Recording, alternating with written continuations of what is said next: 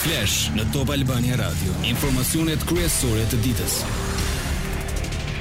Përshëndetje, këto janë lajmet e orës 16. Përshëndetje.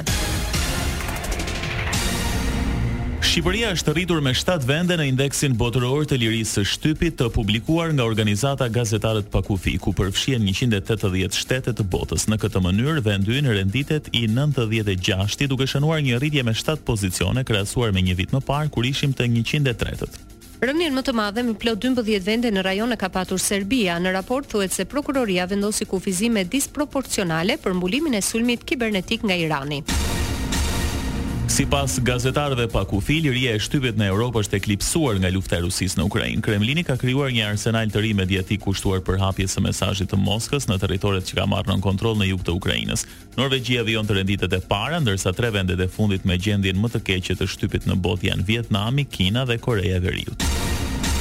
Në Ditën Botërore të Lirisë së Shtypit, ambasadorja amerikane Yuri Kim theksoi se një shtyp i lirë dhe i pavarur është thelbësor për demokracinë dhe se është e rëndësishme që gazetarët të bëjnë pyetje të vështira. Në një takim me gazetarë dhe përfaqësues të organizatave joqeveritare që punojnë për çështjet e medias në Shqipëri, Kim i nxiti t'i përcjellin brezit të ri mësimet për të qenë të fortë dhe të guximshëm.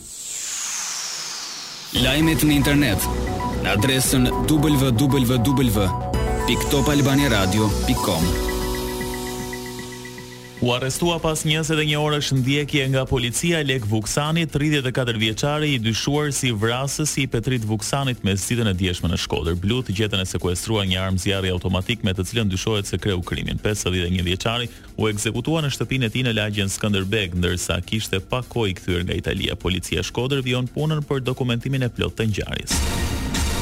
Në Tufin Bashkia e Tiranës ka hapur strehëzën veterinare qendrën e kafshëve të rrugës që i jep zgjidhje përfundimtare problematikës së qenve endacakë në kryeqytet. Strehëza do të funksionojë me konceptin e shtëpisë së përhershme për qentë endacakë, por edhe si qendër veterinare ku do të kryhen proceset e sterilizimit, vaksinimit dhe matrikullimit e më pas edhe adoptimi i tyre nga ata që i duan kafshët, kryebashkiaku Veliaj. Në këto vitet e fundit, gjashtë mijë qen në situatë rruge janë trajtuar, janë vaksinuar, kanë marrë shërbim mjekësor, pastaj janë adoptuar. Sigurisht tani që kemi një hapësirë shumë më dinjitoze, i gjithë ky proces ndodh me kushte shumë herë më të mira, po sigurisht që kemi edhe një mundësi për të ftuar njerëz, për t'i parë, për t'i inkurajuar që të lidhen me botën e kafshëve, sidomos fëmijët edhe këto pjesë didaktike, pjesën patjetër të studentëve, se sot edhe me kopshin zoologjik, me kafshët ekzotike, po dhe me një hapësirë të tillë për studentët e ardhshëm të veterinarisë, apo dhe ata që duan të krijojnë një sipërmarrje të vogël si kujdestar të katërputroshëve, i kemi mundësitë për t'i bërë këto gjëra.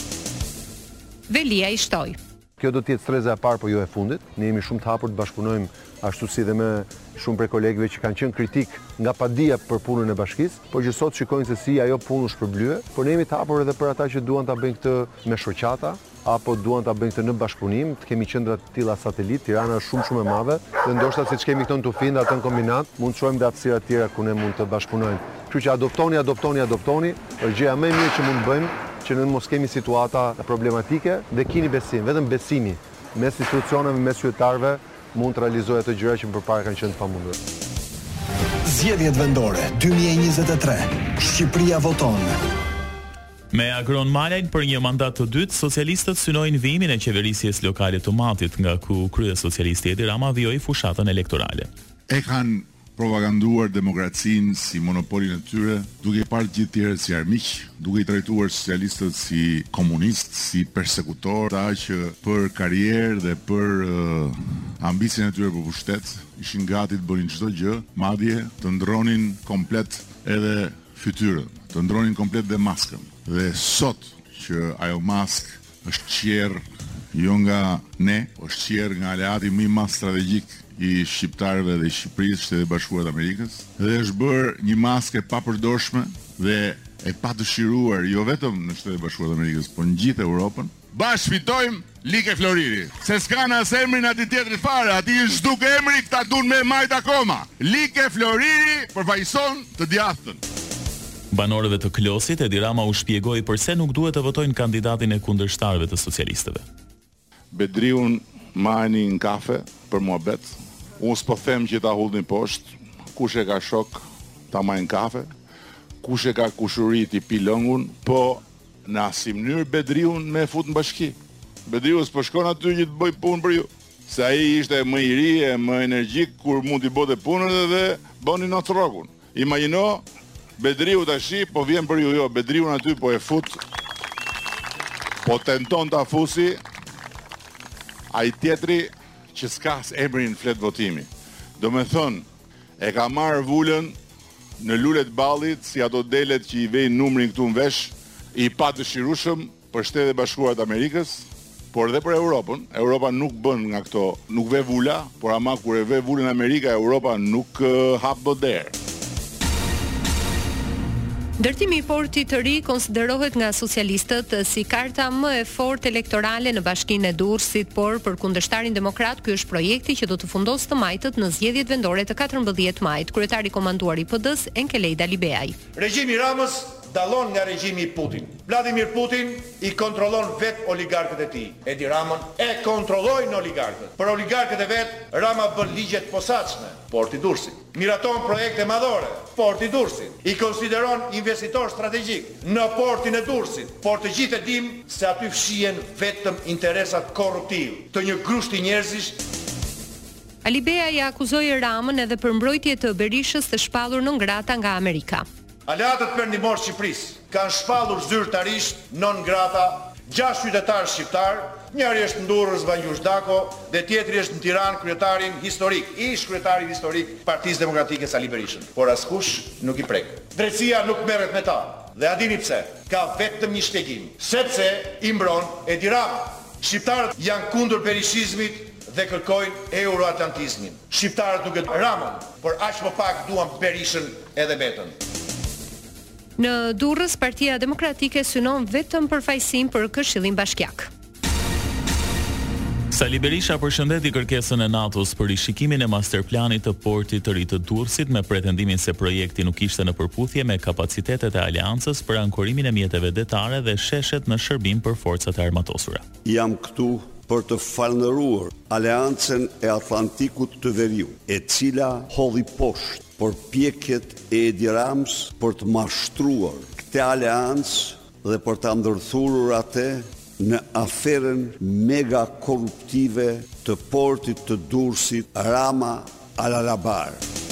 Sali Berisha është i bindur se pas projektit fshihen interesa mafioze që cenojnë sigurinë kombëtare të Shqipërisë, por edhe vetë Aleancës. Vizitat në seri të Ramës, Xhaçkës dhe presidentit me një axhendë Porto Romanon dhe mbështetjen nga NATO për mbylljen e portit të Durrësit, shndërrimin e tij de facto, pasuri shumë miliardëshe, të Edi Ramës dhe klanit të tij mafioz dhe miliardierit Alabar, janë një histori e turpshme.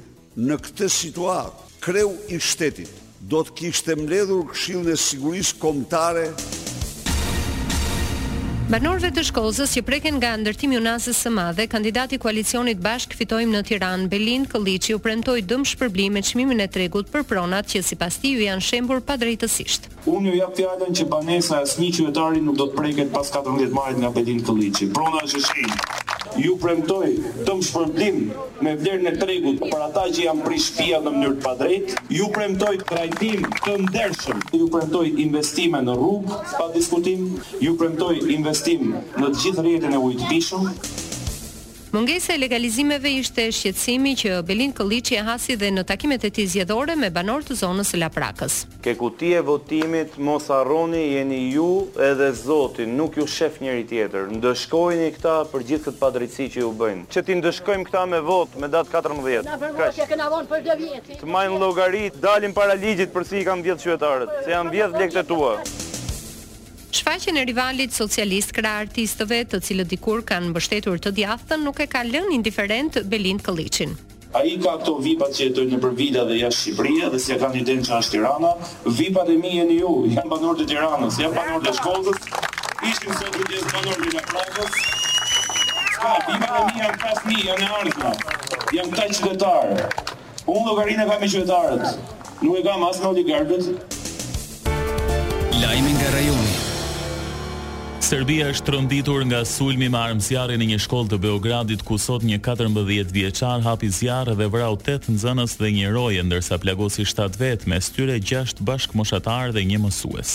Motivet ende nuk dihen dhe adoleshenti që përdori armën e babait u ndalua. Sindikata e Punonjësve të Arsimit në Serbi tha se tragjedia në shkollë është dëshmi se jetojmë në kushte Strem e dhuna. Ministria e Punëve të Jashtme e Malit të Zi shprehu ngushëllime për familjet e viktimave në Beograd, edhe Zhelko Komshiç, anëtar i Presidencës së Bosnjës, i dërgoi ngushëllime Presidentit Vuçiç. Sekretarja e Përgjithshme e Këshillit të Europës, Marija Pejçinoviç Buriç, shkruan se është e tronditur dhe e pikëlluar nga të shtënat në shkollën në Beograd, Të tilla ngjarje janë të shpeshta në Amerikë, por jo në vendet ballkanike. Lajme nga bota. Në Shtetet e Bashkuara autoritetet thonë se Amerika po përballet me një epidemi vetmie, po aq e rrezikshme për shëndetin sa pirja e 15 cigareve në ditë. Mjeku Vivek Murthy lëshoi një udhëzues këshillues, i cili bën thirrje që izolimi social të trajtohet seriozisht si obeziteti ose abuzimi me drogën. Sipas tij, gati gjysma e amerikanëve mendohet se janë prekur nga vetmia. Kjo lidhet me arritjet më të ulëta akademike apo performancë më të keqe në punë. Moti i keq me përmbytje në Itali, dy të zhdukur në Fontanelice në provincën e Bolonjës, ku u shemb një shtëpi dhe një i moshuar mbi tetëdhjetë vjeç u gjeti pa jetë në Castel Bolognese. Ndërkaq të shumta janë dëmet materiale nga përmbytjet në Emilia-Romagna, në Castel Bolognese Është një situatë shumë e vështirë, ku një pjesë e argjinaturës u shemb dhe janë evakuuar disa banorë. Ndërkaq sa i përket parashikimit të motit, edhe në vendin tonë sot dominohemi nga kushte atmosferike të paqëndrueshme, kryesisht me reshje shiu, moti do të jetë i vranët, me intervale të pakta kthjellimi, priten shira me intensitet të ulët dhe mesatar në formë shtrëngatash, Lokalisht stuhi në jug dhe pjesërisht në qendër. Temperaturat luhaten nga tetë në njëzet e tre gradë Celsius. Ndoqet një përmbledhje kryesore të lajmeve të ditës. Takimi informativ i radhës është në orën 17. Unë jam Edi Hallaçi. Unë jam Doriana Lato. Kjo është Top Albania Radio.